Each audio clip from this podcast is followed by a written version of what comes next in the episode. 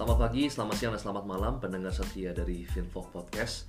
Nah, nggak sadar kita sudah masuk ke episode yang ketiga dari season yang kedua, uh, di mana sebelumnya di season yang kedua ini kita punya format baru, yaitu ada program Book Hangover dan juga ada Finfog Portfolio. Nah, untuk yang Book Hangover, kita akan mereview buku-buku yang mungkin lagi banyak uh, dibaca oleh orang-orang yang kira-kira berhubungan dengan finance, keuangan, dan startup. Kemudian juga Fintalk Portfolio kita akan uh, mengundang narasumber-narasumber yang akan berbicara mengenai pasar modal. Ya kira-kira opportunity apa yang bisa kita lihat. Nah kali ini di episode yang ketiga di season yang kedua uh, tema kita adalah scale it like Doni. Nah ini menarik ya. Uh, saya hari ini kedatangan teman ya sahabat lama udah ketemu bertahun-tahun yang lalu Uh, saya juga pernah seminar bareng dengan dengan uh, teman saya, bro saya satu ini, namanya adalah Bro Doni Pramono. Halo bro. Halo, selamat pagi, siang dan malam. Ya, padahal ini kita rekaman pagi. Iya, iya. Tapi sometimes kadang-kadang orang dengarnya malam gitu. Iya. Sometimes orang dengar dengarnya mungkin di mobil dan lain-lain. Nah, uh, sebelum uh, gue mulai, kita ngomongin gue aja bro ya. Iya, boleh. Uh, Bro Doni ini adalah ya siapa sih yang gak kenal Bro Doni? Bro Doni adalah founder dari Sourcely ya um, dari zaman dulu ya 11 years ago ya um, satu produk yang menurut gua revolusioner. Kenapa? Karena orang biasanya bicara mengenai uh, ice cream itu sesuatu yang nggak healthy. Ya tapi tiba-tiba Sourcely masuk dan uh, jadi game changer. Nah kemudian berapa tahun terakhir ini juga Sourcely Group mengepakkan sayapnya masuk ke satu produk yang baru yaitu gulu-gulu Vika Coffee dan nanti ada the nextnya nanti kita akan coba ngobrol Nah, kenapa kok uh, gua bahas topik ini adalah scale it like Doni ya karena ini mungkin nanti bisa jadi judul buku juga bro kayaknya sih. Sekali lagi nih ya. Karena bro, bro Doni ini sangat pakar banget bagaimana mengepakkan sayap FNB-nya itu sampai ratusan cabang. Nah, pertanyaan pertama bro, kira-kira waktu ngubah mindset orang dari yang namanya ice cream tiba-tiba jadi uh, frozen yogurt itu gimana cara lu ngubah itu pertama kali? Oke, um, first of all, uh, selamat pagi, siang dan malam lagi. Iya. Thank you for inviting on this podcast. It'll be my pleasure for sharing in, in this uh, channel. Uh, jadi Sour Sally itu lahir tahun 2008 ya. 2008. So 2008 itu Sour Sally itu lahir dari sebuah hobi sebenarnya. Hobi. Kenapa hobi? Karena um, uh, back at the time I was studying di di LA and then I saya sendiri salah satu penggemar produk frozen yogurt memang. Jadi ada salah satu brand yang menjadi favorit saya. Um, saya ke sana bisa konsumsi frozen yogurt tersebut at least tiga kali seminggu ya. Because I love ice cream. Who doesn't love ice cream, right? Ice cream make people happy. So um, tapi I'm one of the guy yang istilahnya tanda kutip takut gendut ya kan? Takut uh, apa uh, eating ice cream my habit ini bikin um, apa unhealthy. Oleh karena itu uh, waktu frozen yogurt keluar waktu itu saat itu booming di LA I'm I'm one of the most uh, apa loyal fans. Nah jadi saya lihat ini memang uh, kenapa akhirnya saya tertarik untuk bawa konsep sour cell ini ke Indonesia? Karena uh, memang saya lihat di Indonesia dengan saat itu 2007 2008 itu uh, consumerism mulai pick up ya kan mulai banyak brand-brand baru yang uh, apa brand-brand lokal maupun internasional yang booming ya kan Uh, ada brand roti ada brand donat ya kan Um, itu yang bikin saya inspirasi saya kayak maksudnya uh, consumerism mall di Indonesia F&B mulai naik Orang mulai ngantri Yes, ya. yes. Uh, nggak segede sekarang sih ya. Sekarang kan wow, everybody is like so crazy. Kayak dulu itu uh, one one of the pioneers itu uh, mungkin bisa dibilang ya Sour Sally lah saat itu. Uh, late pioneers. Bukan late juga sih kayak second wave pioneer. Yang first wave kan ada yang kayak roti, donat seperti itu ya. Jadi uh, saya lihat juga belum ada produk uh, apa uh, yang enak dimakan Iya. tapi juga healthy gitu. Jadi itu yang saya bawa apalagi Indonesia kan Jakarta saat itu uh, urban uh, urb- sudah urban udah udah GDP per kapita udah bagus, gaya hidupnya juga udah mulai naik. Jadi itu yang bikin saya interest kayak uh, why not we introduce something yang es krim uh, yang yang enak tapi juga healthy gitu. First Makanya di Senayan City. Senayan City ya Senayan City. Jadi tagline Sour Sally pada saat itu adalah uh, delicious doesn't have to be sin food. Hmm. Jadi makanan enak nggak harus yang uh, tidak menyehatkan atau uh, apa uh, high calories atau high fat seperti itu. Dan uh, waktu itu ya jujur waktu gue juga ngantri juga itu gue pikir tuh brand luar loh bro. Hmm. ya jadi eh, gimana cara cara cara lu bisa mempackage itu seperti misalkan bagaimana membuat the story behind the produknya kemudian tokoh si Sally itu sendiri. Jadi sampai cara marketing communication itu seperti brand luar. Atau memang part of strategy atau gimana? Jadi uh, yes, it, that's part of the strategy. Uh, specifically waktu saat itu karena uh, kita tahu bahwa saat itu uh, Indonesia 2008-2007 is very uh, aspirational kepada brand-brand yang dari luar negeri. Uh, normal untuk sebuah ekonomi yang baru booming apa segala macam mereka asp- aspirational kepada brand-brand yang baru booming. Uh, oleh karena itu kita sengaja bikin brandingnya, image-nya karena image yang branding tuh image itu adalah salah satu yang paling penting ya faktor paling penting. Image branding selain dari dari dari ya, produk itu sendiri. Image-nya penting banget karena image itu adalah perception menurut saya ya kan? Um, uh, and perception is reality. So when you give a good image your perception is good. Uh, when you good uh, good give good perception uh, orang mikir reality is good. Itu uh, langkah pertamanya. Jadi uh, dan perception saat itu adalah brand yang dari luar negeri itu bagus enak ya kan, profesional ya kan? So that's the the strategy that we want to uh, portray waktu at the beginning. Dan justru itu kelihatannya yang membantu untuk mengedukasi dan mengubah mindset tadi ya. Betul. Karena orang Indonesia itu image-nya adalah eh, pokoknya kalau misalkan itu enak itu harus nggak sehat aja deh. Ya nggak sehat sama dengan enak ya. Tapi kalau sehat sama dengan nggak enak gitu. yes yes. Tapi dengan Sally membuat satu eh, branding atau marketing campaign yang ke sana ini benar-benar seperti brand dari luar orang jadi merasa bahwa punya status. Ya zaman dulu waktu itu mungkin eh, Facebook belum terlalu booming ya. Tapi kalau orang bisa ngantri makan di Sally itu rasanya punya status bro. Yes, yes. Jadi uh, saat itu yang itu yang salah satu uh, saya sering banget sharing ya bahwa uh, di dalam FMB itu ada tiga fase kan. Uh, fase pertama adalah fase trend or hype. Uh, sesuatu yang trend misalnya. Fase kedua itu ada habit Ya. atau lifestyle. sesuatu yang jadi habit itu biasanya jadi lifestyle. Tapi sesuatu yang lifestyle belum tentu jadi habit. Uh, itu yang sering di misunderstanding orang gitu. Kata-kata lifestyle sama kata lifestyle is very apa commonly used tapi the real meaningnya nggak nggak nggak nggak jelas gitu kadang-kadang.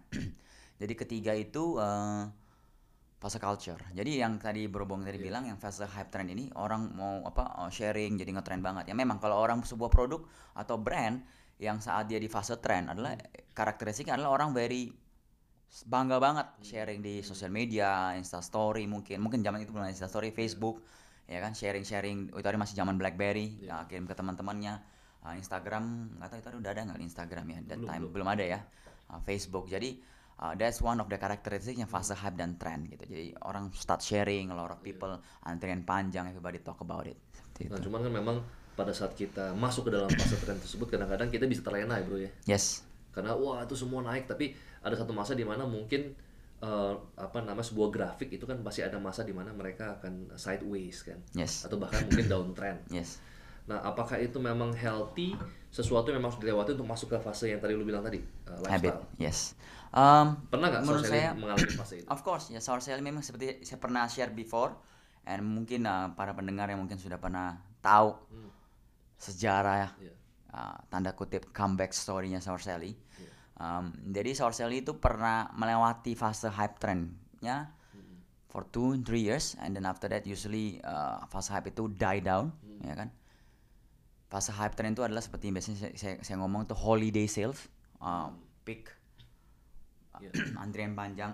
Tapi kemudian ketika sudah jatuh uh, mulai apa uh, customer mulai bosen ya kan itu di mana adalah challenge-nya reality hits ya kan the holiday is over come back to reality. Uh, itu challenge dari pemain FMB di mana mereka harus bisa uh, mentransform um, produk mereka uh, brand mereka komunikasi mereka supaya bisa masuk ke fase kedua yaitu habit. Yaitu habit uh, habitnya uh, yang lebih bagus lagi bisa menjadi lifestyle. Jadi itu challenge yang uh, Sour Sally ada pada saat itu. Waktu saat itu Sour Sally tahun 2012 sempat trennya udah hilang ya kan. It's, it's no longer cool. Not that cool, bukan no longer cool, tapi not that cool to share about Sour Sally, itu ikut antriannya Sour Sally ya Ada kan. new players juga. Ada new players juga, ada new product, bukan new players cuma new product, new habit mungkin ada yang lain-lain. Itu saat itu mulai booming bubble tea, ya kan? A lot of other products juga, ya kan? Jadi we have to stay relevant. So during the downtime itu uh, masa-masa apa? uh, uh, bertapa for me and then I, I apa coba memahami lebih banyak lagi tentang fase uh, eh, industri F&B pada umumnya karena orang pada umumnya itu mengira bahwa F&B itu uh, banyak yang bilang uh, image-nya adalah F&B itu uh, bisnis tren-trenan gitu. Hmm, come and go gitu. Come and go ya kan. Banyak menyarankan saya juga ketika waktu sahur saya udah mulai down mengatakan bahwa ya udahlah uh, you know F&B kan tren-trenan gitu. Lu you already make it 3 years, 4 years is already good enough. Some brand only one or two years gitu kan. Tapi saya tetap eh apa namanya? um, fighting spiritnya masih ada bahwa kayak uh, there's something behind it gitu. I want to find out dulu gitu loh. Akhirnya uh, saya pelajarin apa segala macam, going to seminars, listen to ni- to your talk show. Eh, Oh. Yeah, I listen to your talk show. I try to connect all the pieces and the dots. Sometimes kan kalau orang yang because I try to find answers, I cannot Yeah. find the answers right away. Yeah. We have to find the answers, right? And one of the one uh, ways to find answer is by connecting the dots. Jadi uh, um, I connect the dots also. Uh, uh, one of my apa uh, role model saat itu adalah Garuda Indonesia. Hmm. Uh, as we know, Garuda Indonesia gone through a revitalization of the branding, Yeah. the product, plannya lebih new, um, semuanya dirubah ya kan dari uh, sistemnya segala macam, uh, manajemennya juga, there's a layover, big layover tapi lebih ramping dan lebih uh, apa namanya uh, lean management. I went to uh, workshop lean management punya workshop. Um, because that time sales is not good, sales is declining, tapi problems yang everybody businessman fear, operational cost still high. So I have to lean and make it effective. Jadi salah, I went to all of them and tried to connect the dots and then I found this uh, theory, this concept bahwa FMB itu ada tiga fase. So once I know it, then I it's my challenge, uh, it's my challenge to how to make sour selling and product frozen yogurt itu become a habit. Hmm.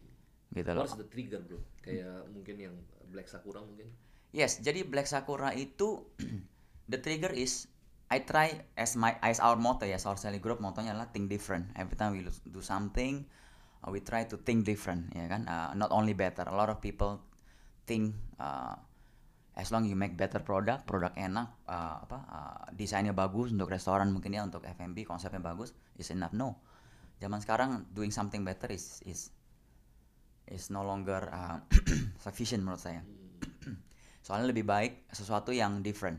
Because once different, you execute perfectly, itu uh, you create blue oceans. It becomes better of course. Jadi um, apa namanya uh, waktu saat itu uh, triggernya adalah creating something different. Tapi differentnya itu lebih ada kayak bisa create a purpose. Hmm. Jadi keyword untuk fase kedua itu purpose.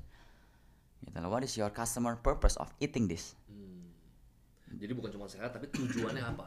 Yes, Karena tujuannya apa? Sehat itu kan luas banget kan. Yes, betul. Eh, tujuannya apa kalau untuk mungkin lancarin Sehat itu adalah makan? merupakan salah satu tujuan. For example, banyak produk-produk yang lain juga itu purpose-nya adalah comfort. Hmm. That's why they become a habit. Fast food. Do you have a purpose in eating that? Nggak ada. Ada benefitnya? No, I don't think so. It's actually nggak baik kan Hmm. buat tubuh kan. It's all the cholesterol and stuff kan. Tapi it become habit. Yeah. Why it becomes a habit? Karena ada purpose-nya. Ada why-nya when they customers when they consume uh, apa uh, fast food. Why-nya itu because it's convenience. Hmm. It's comfort. Ya, dan cepet ya. Yes, we go drive through at night to buy chicken nugget when we are hungry. Bukan karena mungkin kangen makan chicken nuggetnya. Mungkin ada yang kangen makan chicken nuggetnya. Tapi most likely because you are hungry and it's comforting for you and it's convenient for you to go to drive through when you're driving home. Ya kan? Or maybe you're at home you just order Gojek, you know they're gonna open for 24 hours. You know the taste gonna be like that, sama seperti itu. Oleh karena itu you order that comfort, uh, convenience kan. Jadi itu yang salah satu uh, purpose and uh, why-nya yang harus ada di Iya. fase 2. Dan itu sangat ngebantu banget bro karena eh, ketika Sour Sally meluncurkan yang namanya Sour Sally atau yogurt black sakura itu warna hitam dengan charcoal itu sesuatu yang mind blowing banget banget karena ini yakin nih gue makan sesuatu yang yogurt warna hitam apakah ini eh, sehat nah lu bisa execute perfectly dengan mengkomunikasikan ini tujuan dari charcoal itu ternyata untuk digestion misalnya. Digestion untuk detox. Itu memang Uh, benar ya Yes, that, uh, jadi actually ini ada salah satu moto yang kita ada di di Sour juga ya and, and our innovation. We do not reinvent the wheel. Everything else innovations um, itu sudah ada Actually, sebenarnya. sudah ada sebelumnya ya. ya you, you, you shared about this before too. We do not reinvent the wheel. We just need to copy it from uh, copy paste ya kan uh, uh, you have the istilah untuk apa itu kalau nggak salah tiru Hmm, still like an artist. Ti- tiru apa terus copy gitu kan tinggal copy jadi that's what we do juga. Jadi uh, charcoal ini saat itu lagi booming di Amerika. Uh, produk charcoal uh, detox juice. Warna hitam. Black juice. Uh, black detox black juice kan. Jadi we, we thought okay why don't we apply it in our uh, product frozen yogurt? And warna hitam itu creates a difference uniqueness. Karena nggak ada produk frozen yogurt ataupun es krim at that time image es krim dan frozen yogurt itu selalu warna putih kan yogurt. Ya kan when you talk about yogurt it's white. If not white it's fruity. Um, it's boring. Yeah. ya kan you can talk about oh we are better uh, flavor the taste is better. Tapi uh, customer already imagine about the flavor. Kayak you say oh mango frozen yogurt. Ah you know lah mango is gonna taste like that just ekspektasinya udah ada gitu. When you, customer eat it kalau enak ya sudah B aja enak gitu. As expected gitu kan rasa mango. Tapi kalau nggak enak justru jadi bumerang kan. Hmm. tapi kalau yang sesuatu yang different kayak black wah black sakura gitu Mereka kan. nggak punya expectation ya. they don't have expectation. They like this is unique. Karena dan orang Indonesia milenial target market yang kita punya sesuatu, suka sesuatu yang unik kan. And that's why they they they they apa bikin mereka untuk trialnya itu mereka tuh incentivized to try. Yeah. jadi kita of course taste is very important too. That's why we may have to make black sakura taste good. Um, dan salah satunya flavornya kita, kita saat itu kita milih uh, sakura flavor is one of the one after doing some research karena it's unique never before heard di Indonesia ya saat itu ya market kita. Jadi waktu saat orang coba rentetan psikologinya adalah antri gitu kan. Orang coba uh, terus ada temennya nanya lu udah cobain belum Black sakura? Udah. Gimana rasanya? Enak. Rasa apa sih gue juga bingung describe-nya lu coba sendiri deh istilahnya gitu akhirnya banyak trial gitu so that's what uh, uh, the feedback that we've been getting from the customer saat itu ya Oke, nah itu jadi satu apa ya turnaround ya. Jadi lu ngebalikin dan masuk ke satu fase baru namanya adalah fase gaya hidup atau lifestyle Yes, atau habit. habit. Nah kemudian balik lagi ke judul kita nih bro, scale it like Doni. Ya. Yang gue kagum sama lu nih, kita kan temenan udah lama. Lu bisa ketemu satu ide dari Sour Sally, uh, frozen yogurt yang sehat, kemudian masuk ke Black Sakura untuk digestion. Kemudian lu bisa masuk ke satu brand baru namanya Gulu Gulu. yes Iya. Ya. Eh, gulu-gulu eh, waktu itu kalau nggak salah ya Chinese. Eh, sorry, Ah, Taiwanese. cheese. Taiwanese Taiwanese cheese tea ya, cheese tea. Nah ini juga suatu hal yang unik. Kenapa? Karena teh lu tabrak dengan keju bro. Iya.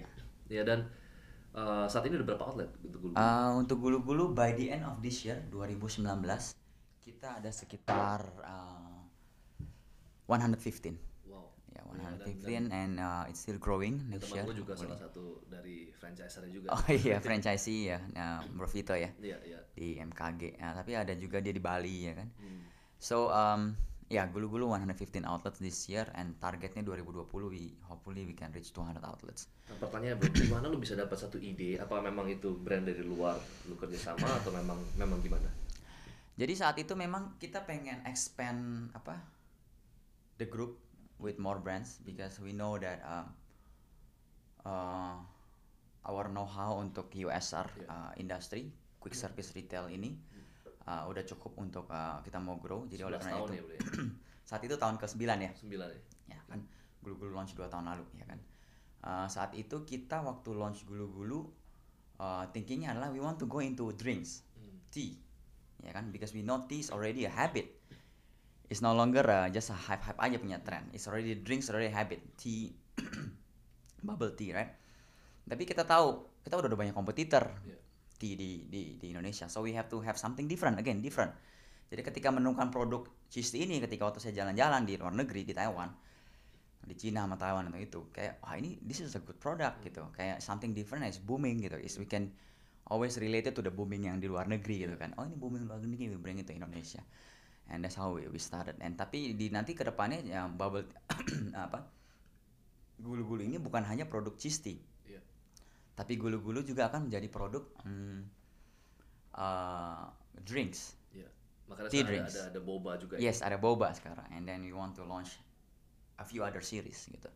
Yang tujuannya mm, become a habit, become a lifestyle. Because drinks you can escape it. Indonesia itu panas, ya kan. iya. Uh, Semua you need something yang refreshing. sugar. Ya, sugar. Sugar is actually uh, one one of the most addictive substance in the world, iya. other than coffee. ya kan jadi um, you need a sugar intake every day so um, that's that's the the, Jadi the- the reasoning behind it Saur Sally bukan lagi hanya sekedar frozen yogurt tapi jadi grup ya bro ya. yes betul Dan lu pasti punya ambisi untuk scale lebih banyak produk. Ya. Uh, mulai dari mungkin minuman, ya gulu-gulu, kemudian uh, ada Vika Coffee ya, yang uh, mungkin kalau misalkan di YouTube channel bisa lihat ya. Nah ini gelasnya nih. Cuma kalau yang di Instagram, Hmm. Ini yang, yang- di podcast nggak kelihatan nih. tiap hari gua harus minum tapi kadang-kadang bikin gua asam lambung Ini warna apa bro? ini red velvet Kopi, red velvet tapi ice coffee velvet. ya Nah ini juga salah satu brand yang lu franchise kan? yang di franchise-kan sekarang ya Nah yang menarik lagi adalah uh, kemarin kan Bro Doni ada sharing di Circle X. Nah lu bicara satu brand yang ini beda banget. Lu bisa main di dessert, lu bisa main di minuman. Nah sekarang lu mulai masuk ke makanan bro. yes Ya, what, what is the next project untuk Ya. makanan ini? Jadi uh, atau dessert. thank you for asking that uh, Bro Bong. Jadi uh, soon actually next week di Sial Interfood tanggal 13 sampai 16 di Jia Expo kita launching our latest brand. Ya. Uh, brandnya namanya Wautek. Wautek ini warteg modern um, di mana konsep warteg ini kita mau membantu merevolusikan, memodernkan konsep warteg yang seperti kita udah tahu. Ya. Uh, warteg kenapa kita warteg? Kenapa kita pilih warteg? Ya kan? Orang tanya. Karena warteg itu pertama dari tiga fase yang tadi saya jelaskan warteg itu uh, sudah menjadi budaya keseharian orang Indonesia. According to research that we have done um, there are 35.000 ribu warteg di Jabodetabek Only. alone Hmm. that's a very big market in only Jabodetabek you have 35,000 ya kan Itu udah, udah sama mirip jumlahnya McDonald's di seluruh dunia ya bro. yes, that's why. Udah uh, is affordable, is comfort. Semua yang saya ngomong tadi masalah purpose, uh, fase habit, eh, fase trend, habit, culture. Ini udah fase terakhir yang every brand wants to be. Iya. Itu budaya gitu ya kan. Sour Sally mulai dari trend, sekarang di habit. We try to become the culture of Indonesia. Trying gitu, trying there with all the innovation, with all the communication. Produk warteg ini sudah di sana sendiri Ya, jadi ini fase ketiga lah culture ya. culture. Oke. So uh, when we do uh, cheese tea, bubble tea, as I said uh, previously, uh, is in the habit, lifestyle, not even culture. In Indonesia belum punya culture bubble tea. Iya. Uh, culture bubble tea ada di Cina sama Taiwan. They become a culture. If you go to Taiwan or uh, China, if you don't drink, uh, if you don't drink bubble tea or uh, cheese tea or uh, uh, that those kind of tea drinks, lu nggak ke Cina gitu istilahnya kan. Ke Jogja nggak beli bapia gitu. Betul. Atau ke Indonesia nggak makan bakso apa nasi goreng, nasi goreng tam atau sate, ya kan atau nasi padang kalau ke Padang. That's what I'm talking about. Jadi warteg ini sudah menjadi budaya, and that's why we see there's an opportunity for us to uh, uh, help and maybe empower the warteg industry gitu. That's why uh, for this we uh, ada juga kolaborasi dengan Wahyu.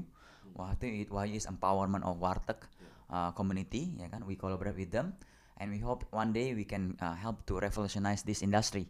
Uh, dari yang mungkin kalau parallel industry bisa ngomong dari toko kelontong zaman dulu yang kita belajar toko kelontong mom and pop shop, sekarang kita belanja di convenience store, convenience mart, ya kan ada want to mention brands tapi we all know uh, there's so many of convenience mart brand, ya kan.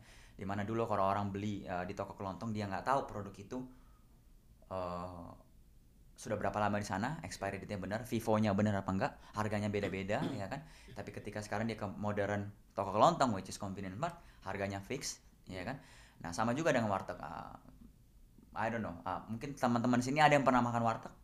Ya kan? Mungkin ada juga yang tahu warteg tapi takut makan warteg karena ah, the hygiene maybe. Um, apa namanya? ah, tapi kalau dibilang makanan warteg everybody can eat, it's Indonesian food. Kalau ada pilihan yang mungkin harganya ya mungkin di atas sedikit tapi di atas lebih sedikit, hygiene. lebih hygiene. You sure that just like the image of comfort yang tadi saya bilang, you are hungry in the middle of the night, you want to eat something yang uh, cepet, tapi lu tahu rasanya dan nggak bikin lu sakit perut, ya kan? Dan cepet gampang dapatnya, ya kan? Call uh, apa delivery atau uh, bahkan sebelum delivery yang sekarang adanya dengan uh, uh, ojek online segala macam, deliverynya juga udah ada dari dulu, ada nomornya 140 berapa berapa gitu kan? It's comfort. So it's the same thing as warteg yang we want to we want to do. We want to uh, make it uh, lebih hygiene, lebih bersih. Variasi menunya juga lebih modern. Jadi ada menu-menu kekiniannya. Kayak contohnya ayam goreng Korea, ya kan? Nanti juga ada ayam ayam sambal mata yang lagi populer. Ya we make it a warteg style. jadi comfort for everybody to eat it Jadi tetap ada menu-menu warteg tapi ada juga menu-menu fusion. betul ya dan better than that uh, untuk bisnis ownernya yang mau franchise itu sangat mudah operasional. Is even simpler than sour sally simpler than gulu-gulu. Kenapa? Ya kan? Orang kan tanya ini kan produk makanan nggak ribet. Potong sana masak sana masak sini. Enggak soalnya di jadi kita untuk konsep warteg ini proses masak memasaknya ada di central kitchen. Hmm. jadi kita akan delivery central kitchen tersebut dari central kitchen ke sebar. Central kitchen kita tersebar di seluruh Jabodetabek Iya. Iya kan banyak di Jabodetabek. Eh, eh, ada beberapa vendor, ya kan eh, kita bisa kerja sama dengan any vendor, tapi we have a main vendor that we work with, ya kan. Em, tujuannya supaya produk itu standardized. You know when you go to eat chicken nugget in one particular brand, in particular location itu rasanya sama dengan yang ya. cabangnya di mana pun, mungkin di seluruh Indonesia atau seluruh dunia, Iya. ya kan. Same thing. When you go to Warteg di cabang SCBD di gedung Prosperity Tower yang kita ada sekarang, ya kan. Uh, dengan makan uh, warteg yang ada di uh, uh, Cikini atau di Kelapa Gading atau nanti mungkin kalau di Jawa nanti di Surabaya, uh, most likely the taste is gonna be the same, the standard gonna be the same. So you know what you are getting, and for just a slight different in pricing about 10 to 15 percent higher, you get um, comfort tersebut, Iya. you get uh, hygiene-nya, Iya. uh, nggak nggak nggak takut sakit perut. Sebagai business operator nggak ada masak memasak. 80% of the food is just towing Hmm. and serving. Dan flying ya. Ya, and and serving and, and, and it's just about serving business. Iya. Jadi jadi itu itu yang kita uh, uh, what that that's our vision untuk Warteg ke depannya seperti itu. Wow. Jadi kalau misalkan gue boleh buat conclusion, jadi sebenarnya yang menarik ini dari segi bisnis franchising adalah uh, everybody happy bro. everybody hap- happy artinya adalah ketika let's say misalkan gulu-gulu punya 115 cabang, 115 uh, owner ya atau franchisee yang mereka punya relatives, mereka punya friends and family, mereka punya uh, teman ya, mereka punya keluarga.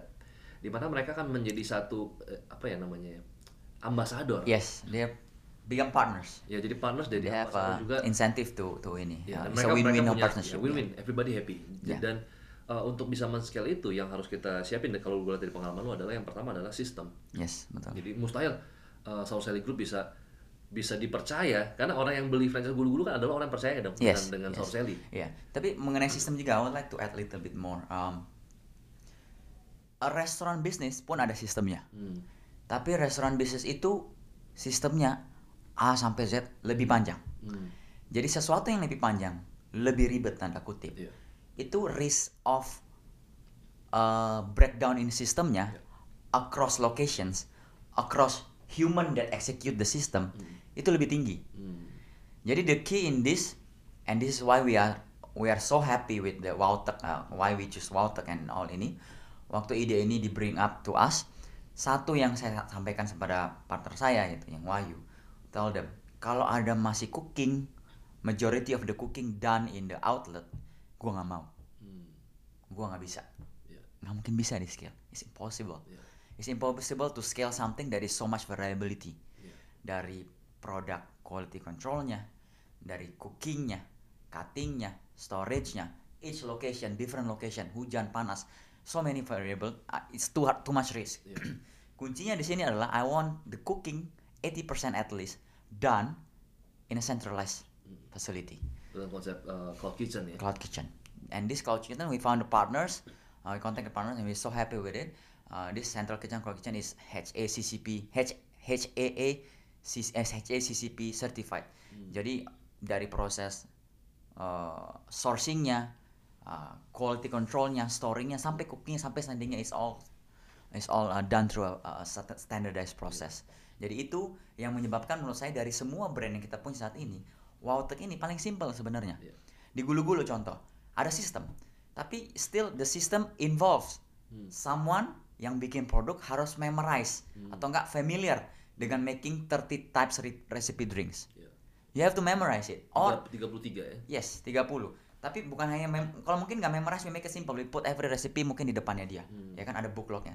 Still, every time you make it, you need a consciousness, kesadaran waktu membuat. Dia lihat di situ 10 mili sugar. Kalau dia nggak sadar lagi ngantuk dia masukin 15 mili kan, Iya, iya. tetap aja. Ya kan, the taste will be different. Ya kan. terus masih depend on the on the people punya management. Dibilang boba nggak boleh lebih dari empat jam. Lebih dari empat jam dia mengeras. Ya tetap aja kita udah ada SOP ada ada uh, alarm kalau dia nggak melakukan sama aja dong. It's the same because there's a human element in there that we cannot control. Sometimes it's hard, harder to control. Uh, sour Sally demikian juga. Sour Sally meskipun juga standardized productionnya di outlet dealing with fresh fruits Hmm. cutting the French fruit, storage, Iya. ya kan? Itu too much variability. Masih ada variability-nya juga. Although of course uh, depending comparing to other kind of food products, uh, we we try to make it as simple as possible. Seperti itu. Ya, jadi memang tadi ya yang pertama adalah memang kita harus punya sistem. sistem tersebut harus kita simplicity. Yes, simplified system. Ya, dan yang ketiga juga memang perlu trust dan integrity ya. Betul. Karena kan eh, lu udah jalanin 11 tahun dan orang udah percaya, orang udah lihat dan eh, lu tetap ada di sana dalam Yes. eh, periode waktu yang sangat panjang. Karena karena memang betul karena kalau misalkan kita lihat sebuah perusahaan ketika ditulis misalkan establish dari misalkan tahun berapa dibanding Established dengan from. Yes. dibanding dengan establish from 2019 dengan Ya. establish from 2008 itu pasti beda. Ya. Nah tiga hal tadi yang menjadi kunci dari eh, bagaimana kita bisa men-scale bisnis kita yang dilakukan sama Saur Sally Group. Ya.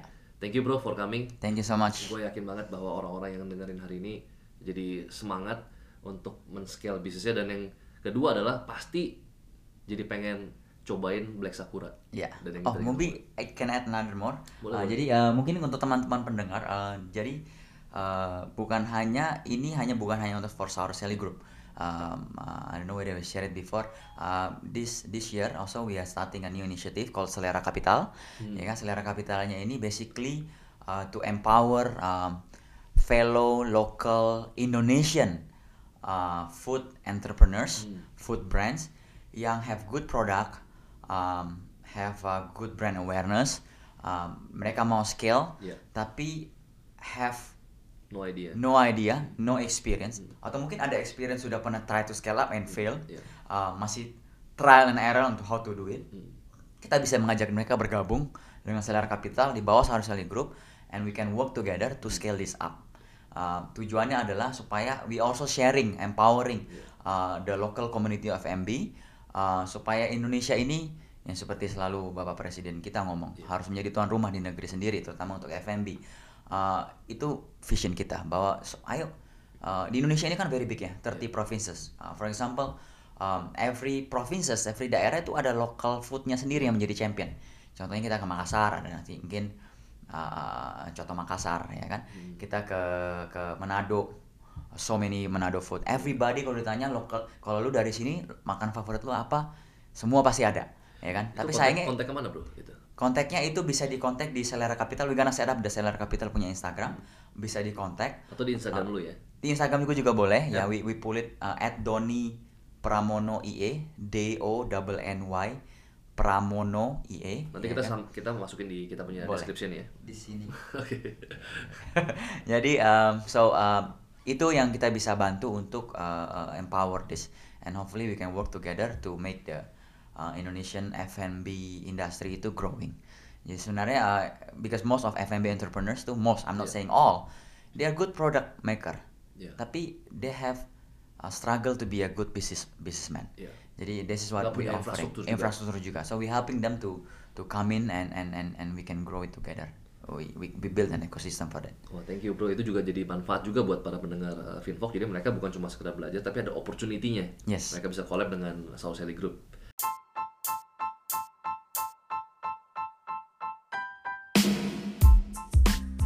Thank you for Thank you. coming bro. Nanti kita mampir-mampir kalau misalnya ada opportunity apa. Sip. Siapa tahu kita bisa kolaborasi dengan Thank you. South Ventures maybe. Thank you, thank you. Nah, buat para pendengar uh, Finvox Podcast, saya mau informasikan bahwa kita punya episode yang pertama dan yang kedua di season yang kedua.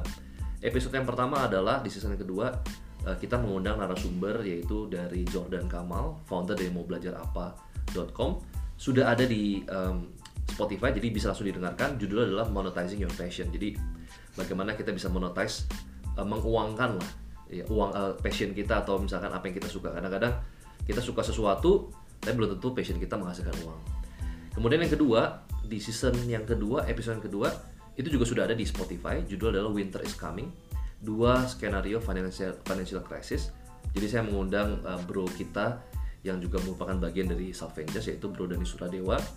Uh, kira-kira apa sih yang harus kita siapkan untuk skenario terbaik dan skenario terburuk ketika financial crisis terjadi di tahun-tahun mendatang. Jadi pastikan teman-teman dengar dua episode tadi. Eh, sampai jumpa di episode yang berikutnya. Terima kasih. Thank you.